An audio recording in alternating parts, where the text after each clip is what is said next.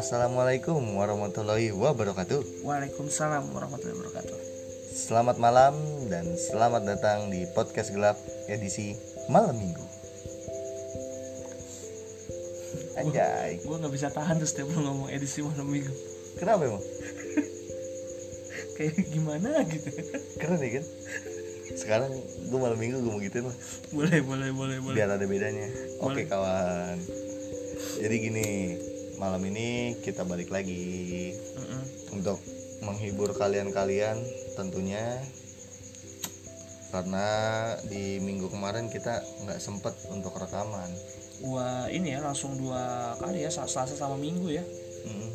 iya pokoknya seminggu itu kita nggak ada rekaman sih. Ya satu kita masalah udah punya kesibukan masing-masing. Hmm, terus yang kedua juga kondisi cuacanya lagi ekstrim iya asli. asik ekstrim dan badai kali Sekalinya datang itu kan hujan gede kemarin kan. makanya Suara masih ngerembes di studio. Mm-mm. Aduh. suaranya rembes studionya bocor air sedih dah pokoknya dah pada diceritain Oke. Nih malam Minggu ini kayaknya saya nih kalau kita bahas final part tentang Pak Soekarno kali ya. nah banyak juga nih yang komen katanya masih kentang nih. Hmm, bang kentang banget bang. Lanjutin. Oke. Boleh, boleh, boleh. nah pokoknya Ah, ah. di sini buat kalian kawan gelap bertanya Sony menjawab. Anjay. Ini kemarin kita terakhir pas lagi Naruto ya? Eh, di iya di part kedua itu kita lagi pakai cocokologi iya ilmu cocokologi masalah yang dari mana? Eh, Indonesia dan Konohagakure hmm, benar. Itu cocokologi. Cuman ini gue baru ini lagi main baru enggak lagi nih. Ada lagi nih? Ada lagi ternyata loh. Jadi kan di anime Naruto itu Hokage ketiga lengser nih. Dinaikin Hokage keempat Minato bapaknya Naruto nih. Ah, tapi ternyata Hokage keempat itu meninggal duluan men. Nah sama ya kan? Asli gak sih? Iya. Kalau kita lihat nih dari segi dari Indonesia Hah? di Indonesia ini di presiden ketiga itu dia dilengserkan. Benar. Betul? Benar. Iya digantikan oleh presiden keempat. Mm-mm. tapi apa namanya eh, masa jabatannya juga nggak begitu lama kan di Benar. presiden keempat sehingga presiden Itu keempat naik presiden kelima Iya. Mega ya? Nggak lama dinaikkanlah ke presiden kelima. Tapi di sini kan yang kita cocokologinya itu presiden keempat ini dia tuh wafat duluan atau meninggal terlebih dahulu daripada presiden ketiga. Benar. Benar banget. Nah di sini sama nih. Bukan Sama begitu? banget. Jadi di, di di presiden kita kan Pak Abdul Rahman atau Pak Gus Dur meninggal duluan setelah itu baru Pak B.J. Habibie. Mm-mm. ya kan? Sama kayak di anime Naruto. Minato Namikaze duluan meninggal baru Sarutobi Yoi, nggak kan? beda nih. Itu gawat sih kalau dulu maksudnya apa ya? Terlalu cocok sekali. Iya. Mau ini jangan-jangan siapa? Masashi Kishimoto. Hmm, masa sih Kishimoto. Yang penciptain Naruto itu dia terinspirasi atau dia time traveler mungkin? Kalau gue bilang sih terinspirasi tapi ya selalu ada kemungkinan lah ya untuk Iya. time traveler ya. Ya, namanya juga konspirasi. Tapi time travelernya juga unik juga sih karena apa nggak sedikit juga kejadian yang udah terjadi di dunia nyata yang mengaku sebagai time traveler sebenarnya udah banyak nih setan aku aku yang kayak gitu oh iya banyak banget sih. Ngaku-ngaku dia dari masa depan datang ke masa ini. Nah tapi kan kita belum tahu nih untuk kebenarannya iya sebenarnya jelas. Kalau untuk time traveler itu. Wah itu nanti mungkin di next episode lah kita bahas lah untuk episode malam minggu. Gue juga masih emang masih menjelajah sih mencari tahu tentang itu. Ya kayak apa peretakan dimensi itu yang katanya sih menyebabkan apa time traveler ini. Sebenarnya ada banyak kemungkinan sih. Cuman mungkin kayaknya mereka apa mungkin mereka diculik alien kali ya? Uh, itu itu masih perdebatan alien. Satu konspirasi baru yang emang gue udah gatal banget sih sebenarnya Iya. pengen ngebahas. Kalau buat gue alien alien itu emang ada men di muka bumi. Buat gue. Ya jadi ketika alien itu dia menyamar sebenarnya. Mm-mm. yang gue tahu nih dia nyamar. Dia bisa merupai sesuatu makhluk. Mm-mm. warnanya coklat Mm-mm. kecil. Kalau terbang itu nyeremin. Mm-mm. nah kata lain itu kecoa. Kecoa itu alien. Fix. Karena palanya putus dia masih bisa hidup. Itu kan lu aja emang takut alien eh lanjut lanjut lanjut Iya, oke, oke. balik lagi kita lah ke benang merah ya iya oke eh, lanjut ke masalah Pak Soekarno ya hmm. Pak Soekarno jadi kalau kita bahas sedikit tentang Pak Soekarno gue pengen ngebahas tentang masa kejayaan beliau masa kejayaan nih Mm-mm. masa jadi kemasannya nih itu pasca kemarin dulu sempat cerita sama gue yang katanya di TikTok lagi ramai hmm. gue sempat cek juga kan di TikTok ada sa- salah satu akun dia cewek sih. Itu sampai nangis nangis men. Dia sampai nangis nangis dia pokoknya di isi TikTok itu intinya dia ingin itu Pak Soekarno dan Pak Harto itu ada fotonya kan dua. Hmm. itu untuk balik lagi dan untuk eh, apa namanya eh, mengatur negara ini lagi karena menurut mereka tuh negara ini udah udah bobrok. Ya kalau dibilang bobrok ya bobrok emang. Udah ya. udah mungkin ya itu bahasa kasarnya ya, Ya. bobrok lah ini mungkin kalau dari proses ini kita negara kita lagi proses alay ini iya iya sebelum dewasa kan soalnya kan Hmm. lagi proses pendewasaan sih emang negara kita Iya. ya masih tumbuh kembang lah Uh-uh. nah kalau untuk gimana ya gue gue gue di satu sisi gue percaya sebenarnya kalau Pak Soekarno masih hidup Hmm. cuman kalau dia masih hidup juga kan umurnya udah ratusan tahun pasti ya kecuali ya kalau seandainya dia emang punya ilmu sesuatu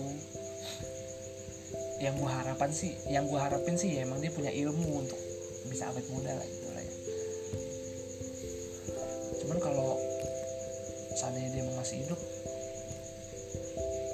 kayaknya sekarang saat yang tepat sih buat dia bangkit. Iya.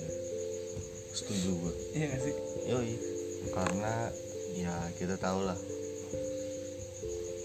Pak Soekarno kan dengan karismanya dia dengan ilmunya dia pokoknya dia itu orang yang cocok nih untuk ngebenahin negara kita pada saat ini. Asli. Iya. ya semoga aja lah ya. Ya gue nggak tahu ya. Masih 50-50 sih kalau gue bilang percaya dia masih hidup percaya nggak percaya. Mm-mm. Tapi kan emang kenyataannya yang kita tahu faktanya aja bukan faktanya juga sih ya. Pokoknya kenyataannya tuh dia mau meninggal kan. Iya benar. Gara-gara sakit itu. Ya kita cuma bisa berharap lah ya. Cuman di luar daripada itu semua kalau kita tengok ke belakang emang sistem sistem pemerintahan yang diatur pada saat itu sih menurut gua itu yang kita butuhkan sekarang sih maksudnya ya dia dia benar-benar memikirkan rakyat kan. Asli dia benar-benar memikirkan rakyat. Bahkan ya sebenarnya sih agak ag- kon- apa konten sekarang agak agak agak rada sensitif ya. Maksudnya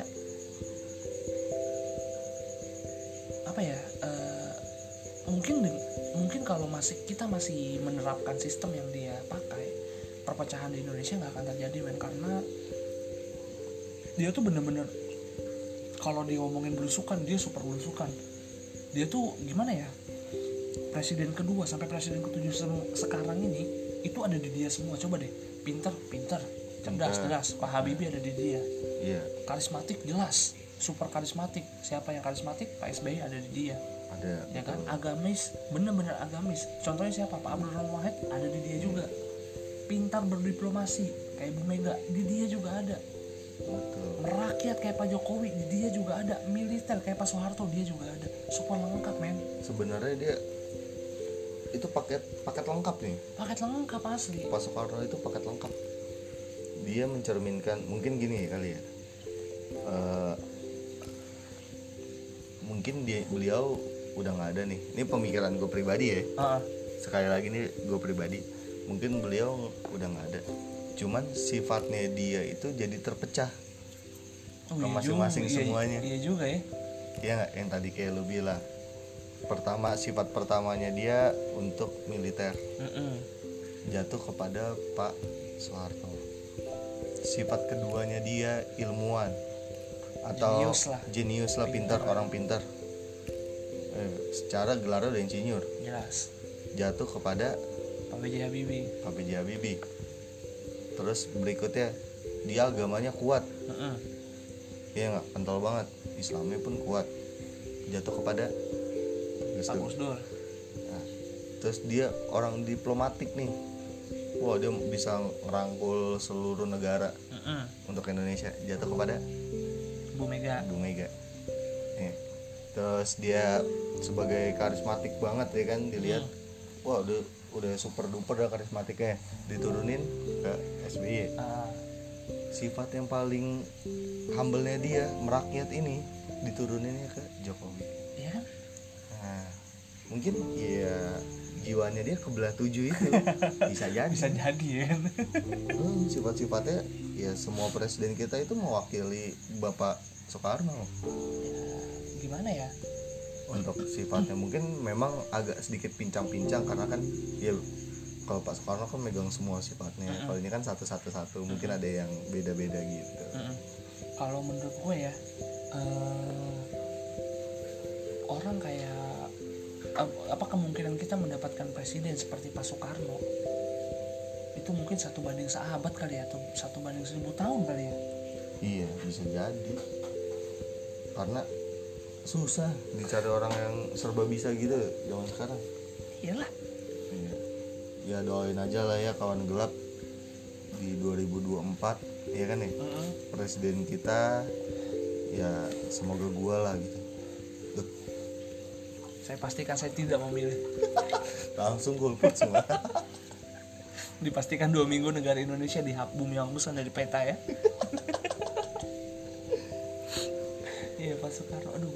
tapi gue masih ada satu hal sih yang bikin gue penasaran itu? dari Pak Soekarno jujur sampai sekarang ini pernah gue bahas juga yang waktu itu yang podcast pertama kita tentang Pak Soekarno di mana benda-benda pusakanya Pak Karno ya iya. Semua benda peninggalannya dia yang asli punya dia. cuma ada satu tongkatnya dia itu cuma ada satu loh dari tiga Iya, pada ke mana gitu. Katanya kan ada yang bilang di puncak kan, tapi nggak make sense kalau menurut gua. Hmm. Di villanya dia yang di puncak nggak make sense banget menurut gua.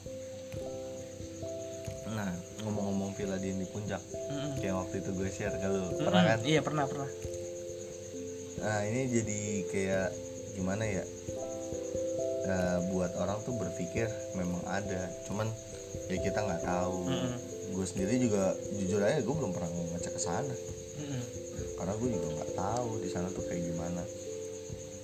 Cuman ya banyak yang gue baca-baca untuk villanya Pak Karno, Pak Soekarno ini yang di puncak memang kayak ada kesan tersendiri lah. Atau ada auranya beliau lah di sana. Gitu. Kalau yang gua lihat sih, ya gimana ya, selayaknya tempat yang sudah lama dan tempat itu memang historikal kan untuk salah satu orang terbesar di Indonesia. Ya pastilah dia punya aura tersendiri udah pasti. Cuman kalau untuk benda-benda yang ada di sana kayaknya nggak nggak tahu sih. Tapi menurut gue sih enggak deh kayaknya. Nggak ada lah ya? Iya menurut gue enggak deh. Kalau misalnya ada pun udah di udah jadi hak sita negara kan pasti kan? Udah jadi hak properti pribadi negara pasti. Kecuali kalau ada yang melarang dan yang melarang itu pihak keluarga biasanya. pihak keluarga atau yang punya. Iya lu. Masuk ke konspirasi baru ya. Iya iya ya iyalah sekarang apa sih yang nggak bisa dimiliki sama negara? Harusnya sih bisa semua. Iya kan? ya ya cuman balik lagi ke situ ya kalau yang punya yang larang mau gimana? Nah kalau dibilang pihak keluarga yang melarang pihak keluarganya beliau nyari semua terjun ke dunia politik kan. Hmm, yang which is itu berhubungan dengan negara. Kalau dilarang sama pihak keluarga kayaknya enggak. Nggak mungkin. Nah siapa? bisa jadi si bapak yang melarang. Wah gila sih kalau kita bahas masalah ini. Si bapak ini punya seribu satu misteri nih asli asli. Karena- dia, dia masih ada pun misteri. Misteri pak. Banyak pas ketika dia masih hidup pun misterinya juga banyak yang menyelimuti dia. Iya. Fakta-fakta yang kita kumpulin beberapa saat lalu ya kan?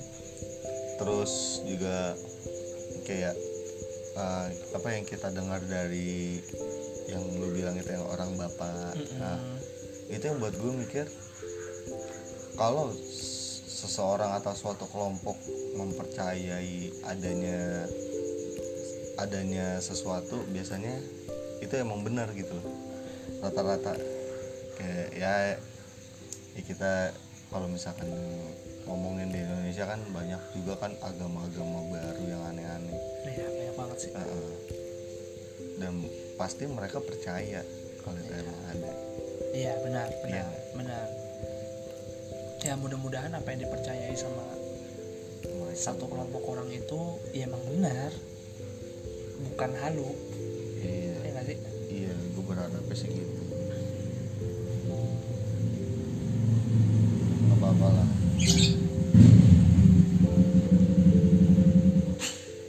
Oke. Sorry ya soalnya gue juga ini berada di luar sih jadi agak berisik. Apa-apa lah ya. Mm-mm. mau diulang udah tanggung. Udah 17 menit pak. Ud- udah durasi nih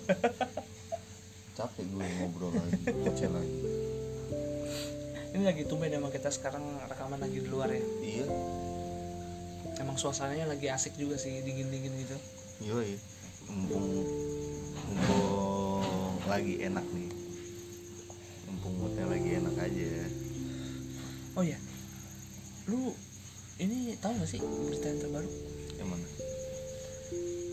Gue lupa deh. Yang yang mana? terbaru. Ada gue sempat lihat di Instagram Hmm. gue juga nggak tahu ya ini fanmade atau bukan cuman di situ diberitakan Naruto meninggal Oh iya, iya benar. Iya iya, gue gue sempat baca tuh kayak di IG kan banyak tuh ah. yang layat ke Konoha. tuh. itu nggak usah dibahas ya Iya. Nah, nih nih jadi ini juga nih. ya amit amit jam eh cuman kan namanya umur kita nggak tahu ya Iya. tapi kalau emang sampai benar ada kemungkinan time traveler itu masa sih Kishimoto? Ih, iya nggak sih? Iya, kalau emang bener-bener dia bisa bisa apa ya prediksi udah kayak gitu ya sekarang gini deh. Kan rata-rata prediksinya Mas Asi tentang Indonesia. Mm-mm. diceritain Naruto.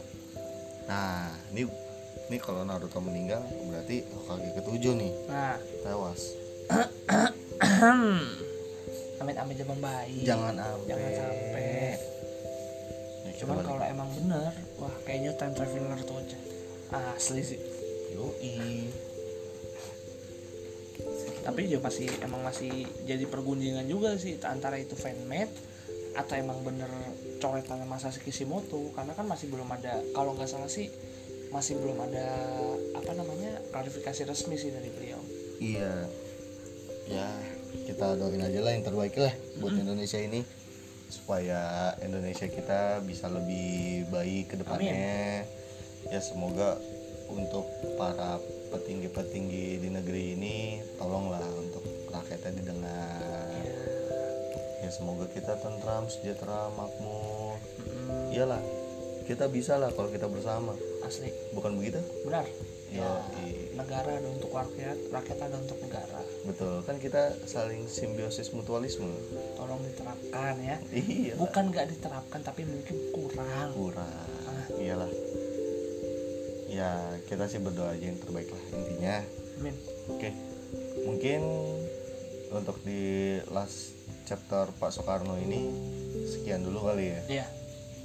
Karena bahan juga udah kita cerita semua dari kemarin ini buat kalian yang kawan-kawan yang penasaran kemarin ini kita udah beberkan lah sampai yang terakhir nih ya kasusnya. jadi intinya kita juga masih belum Iya bukan kita doang sih tapi emang semua orang juga nggak bisa memastikan Pak Soekarno ada atau enggak cuman menurut fakta yang beredar Pak Soekarno sudah meninggal. Cuman harapan beliau masih hidup. Deras sekali. Yoi, harapan beliau masih hidup itu cukup besar dari warga Indonesia sendiri. Bahkan gue pribadi ya berdoa semoga emang bener masih ada. Iya dan semoga ilmu Uchiyo apa namanya uh, itu benar-benar ada di dunia nyata ya. Hidup lagi dia. Ada di TikTok yang gue liat. Tiba-tiba ada ya kan? Kena prank. Hmm, Uchiha ya oke deh Oke. malam ini sekian dulu. Gue Putra pamit.